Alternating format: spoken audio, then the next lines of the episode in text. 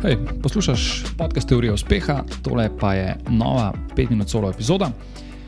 Že večkrat sem v kakšnih intervjujih zasledil analogijo drevesa kot um, dela narave, kot dela celote, kot dela nekega ekosistema. Um, drevo jemlje in drevo daje, skratka, služi temu ekosistemu, v katerem je.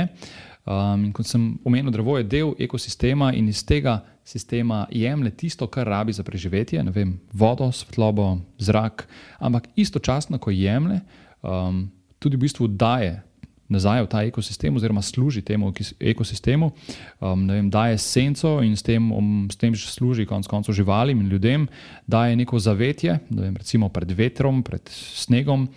Um, drevo daje tudi hrano ljudem in živalim, skrbi za to, da imamo kisik, um, in verjetno bi lahko naštel še cel kup nekih lastnosti, kako drevo služi ekosistemu.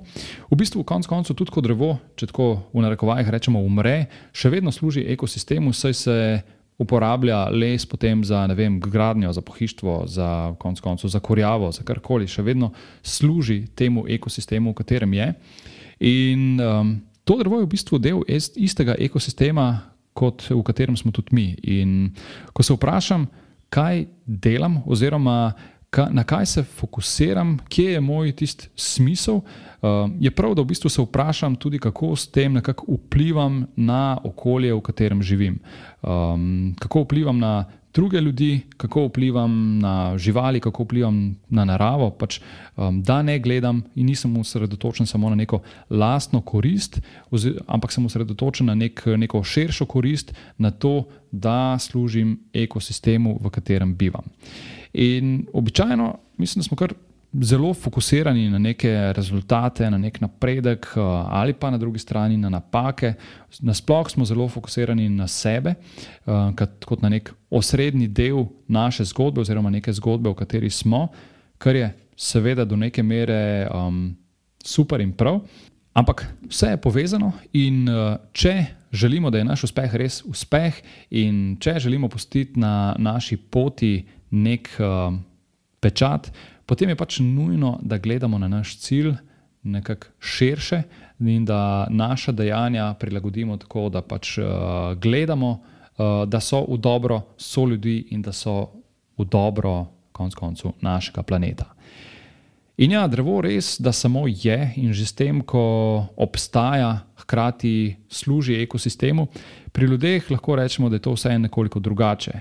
Um, kar je v bistvu dobro in je hkrati tudi priložnost, in konec koncev lahko rečemo, da je tudi naša dolžnost, ker imamo vseeno neke sposobnosti in možnosti, da naredimo več, um, več uh, zase in več za so ljudi, več za naravo. Skratka, imamo lahko, glede na sposobnosti, ki jih imamo, uh, dajemo lahko nek um, večji prispevek v naš ekosistem. In ko sem ravno omenil drevo, Večkrat sem že slišal tisto, um, želiš spremembo, uh, premakni se, sej nisi drevo. Um, to je tako pogosto reklo, ki ga človek sliši. In ja, res je, ne, drevo se ne more premakniti, ampak kljub temu, da se ne more premakniti, je drevo koristno. Mi pa se v bistvu lahko premaknemo in zato smo lahko pač še bolj koristni. In, um, pravi uspeh res ne bi smel biti samo nek lasten dosežek, temveč dosežek, ima ki, dosežek, ki ima nek pozitiven vpliv na širšo okolico, um, kot sem prej omenil, na naš ekosistem, v katerem živimo, oziroma na naš planet, na katerem živimo. To je to v današnji epizodi in do prihodnjič. Še ena zadeva, preden greš, oziroma dve zadevi, preden greš. Najprej res hvala za poslušanje podcasta. Če ti je bila epizoda všeč, te vabim poslušati ostalih epizod, tistih, ki so že objavljene in tistih, ki še bodo.